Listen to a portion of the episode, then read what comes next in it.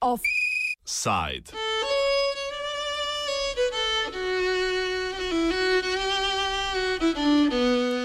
Kapital v novi slovenski vladi.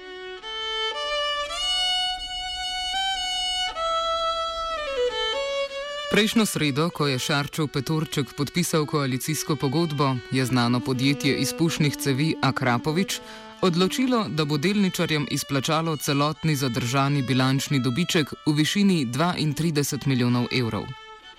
Ob tem je lastnik in direktor Igor Akrapovič povedal, da gre za samozaščitni ukrep in da bodo zasluženi denar plasirali drugam saj je situacija za podjetnike eskalirala v negativno smer. Tako bodo v podjetju vzeli vse zadržane dobičke, ki so bili načeloma namenjeni za razne investicije, in bomo vse skupaj ustavili.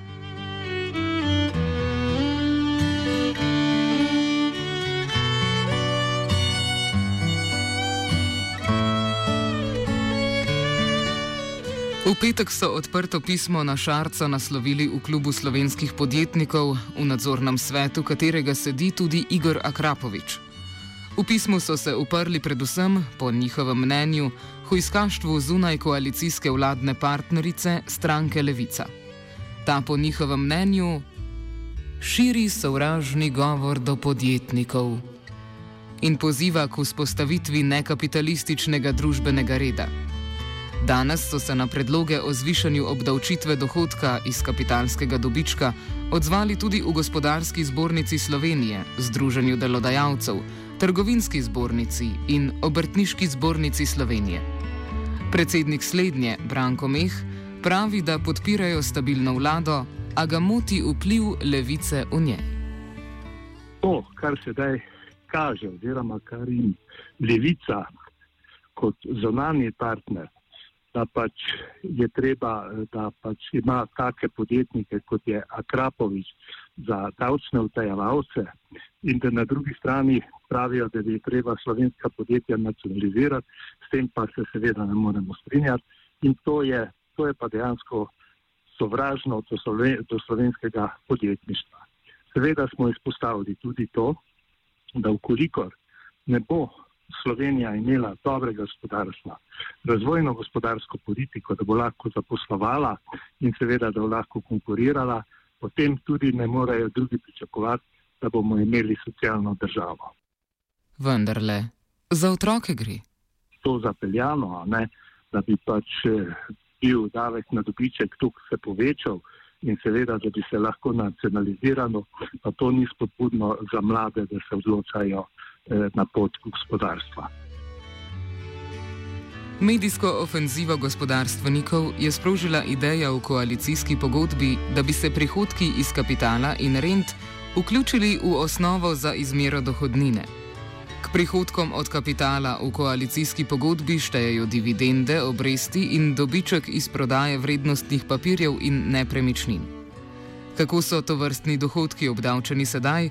Razloži profesor na ekonomski fakulteti v Ljubljani, dr. Branko Korže. Uh, torej v slovenskem davčnem sistemu uh, imamo pač obdavčene pod, pod temi vrstami davka obresti, dividende in pa dobiček iz kapitala. Uh, tako da uh, danes je v, po slovenskem uh, davčni zakonodaji uh, obdavčen ta dohodek v višini 25 odstotkov in sicer na ceduralni način. To pomeni, da je ta obdavčitev dokončna in da se ne vključuje v osnovo za obračun davka, torej letnega, letne dohodnine. Kapitalski dobiček pred olajšavami je sedaj obdavčen stopnjo 25 odstotkov. Če bi se ta prihodek prištel k osnovi za izračun dohodnine, bi bil večinoma obdavčen po višji stopni, odvisno od tega, v kateri dohodkovni razred pade posameznik. Za večino ljudi, ki jih to zadeva, bi to pomenilo najvišji davčni razred pri 50 odstotkih.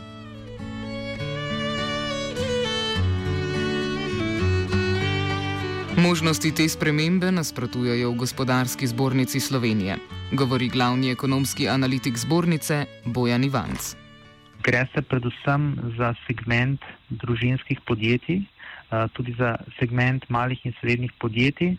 Torej, to so podjetja, ki so v bistvu morda nastala po osamosvojitvi, torej ne iz nekega procesa družbenega naslinjanja, ampak v bistvu so nastala z neko obrtniško tradicijo. In v bistvu v teh podjetjih so pogosto lastniki tudi menedžeri, torej plačujejo v bistvu davke in prispevke prek svoje plače, hkrati pa v bistvu, vkolikor dosegajo dobiček v določenih obdobjih, si tudi pač izplačajo dobiček. In kar je pač problematično pri tej predlagani ureditvi, je namreč to, da bi v bistvu bili izplačeni dobički obdavčeni po re relativno visoki efektivni davčni stopni, uh, kajti vsako podjetje, ki v bistvu zasluži nek dobiček, plača na njega nekje stopnjo okoli 19 odstotkov, oziroma če ima določene lešave, lahko tudi nižjo. Uh, potem pa v bistvu, ko izplača ta dobiček, pokolikor ga prejme, torej fizična oseba, Eh, je ta, dobi, ta dobiček pač obračunan še po dohodninski davčni stopni, ki pa kot rečeno narašča, vkolikor ima zaposleni še druge dohodke. In to posledično pomeni, da v bistvu bo še manj, kako bi rekel, lastnikov delnic fizičnih oseb in nekako še bolj vpliva na to, da, da kapitalski trg ne bo zaživel tako, kot bi lahko. Trenutno obdavčitev dohodkov iz kapitala v Sloveniji s stopnjami v drugih državah primerja korže. Eh, v različnih državah je seveda eh, ta, eh, to obdavčevanje različno urejeno. Tako imamo naprimer v Avstriji tudi 25 odstotno obdavčitev v Nemčiji ravno tako, v Španiji 19 odstotkov in tako naprej.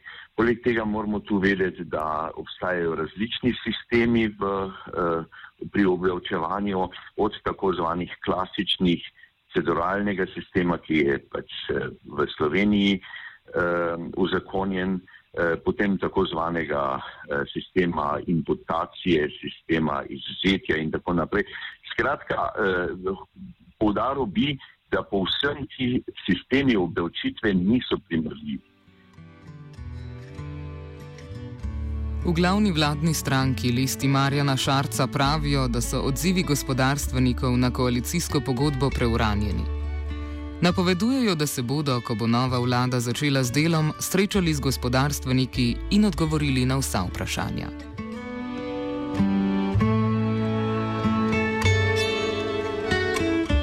Ivan meni, da država tako ali tako ne bi dobila veliko iz predlaganih davčnih sprememb. Zanimivo je, da ni davčni priliv niti ne bi bil tako dodatno uh, višji, glede na, uh, glede na to, koliko sedaj država pobere po obstoječi ureditvi, vendar bi dejansko nadproporcionalno uh, prizadelo uh, lasnike, lasnike podjetij oziroma tiste, ki o tem še razmišljajo. Tako da država bi imela izplena iz, iz, iz, zaradi tega, po naši oceni, okoli 20 milijonov maksimalno, uh, vendar bi bili negativni učinki na to um, dosti, dosti višji. Po mnenju Ivanca bodo premožnejši vedno našli način, kako se izogniti visokim davkom.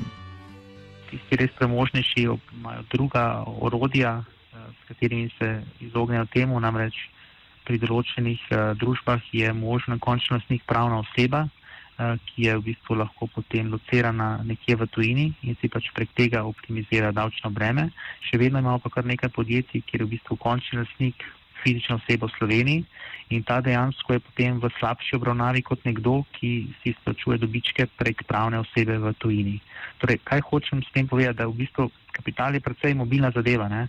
In tudi za spremembo te ureditve država najbrž ne bo, morala, ne bo mogla pobrati vse teh dobičkov, ki so zdaj morda na papirju, kajti uh, določen segment, uh, segment podjetij se bo pač lahko odločalo, uh, da, bo, da bo preneslo potem naslištvo na drugo pravno osebo v tujini. Ne? In to posledično pomeni tudi, da država od tega ne bo prejela toliko, koliko je mislila, da bo prejela.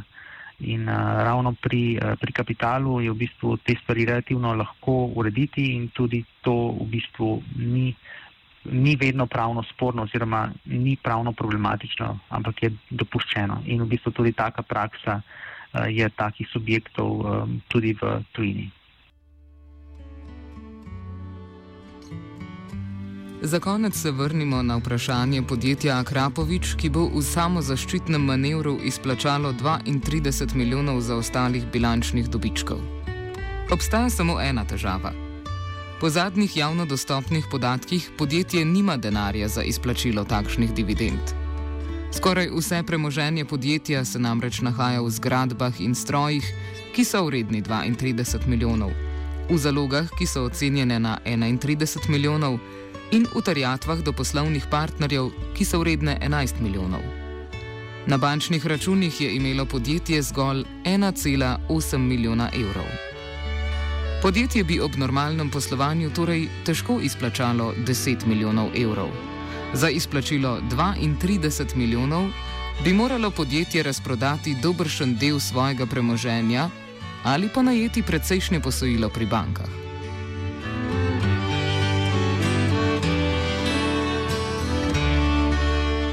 Oboje je malo verjetno.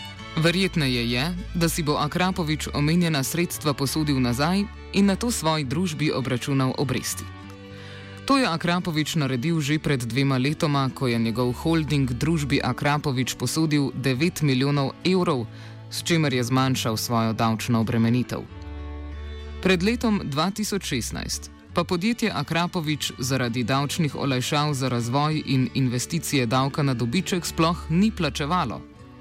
Lani, ko je podjetje ustvarilo 13 milijonov dobička, pa je obračunalo 1,3 milijona davka na dobiček. Ta schema je sicer pogosta med lastniki večjih podjetij, saj holdingi ustvarijo dobiček iz dividend hčerinskih družb. Tu davek od dohodka pravnih oseb plača že hčerinska družba. Holding pa na to, po upoštevanju stroškov poslovanja, ponavadi plača zelo nizko davčno stopnjo. Vsaj za enkrat pri tem početju niso naleteli na sovražen odnos države.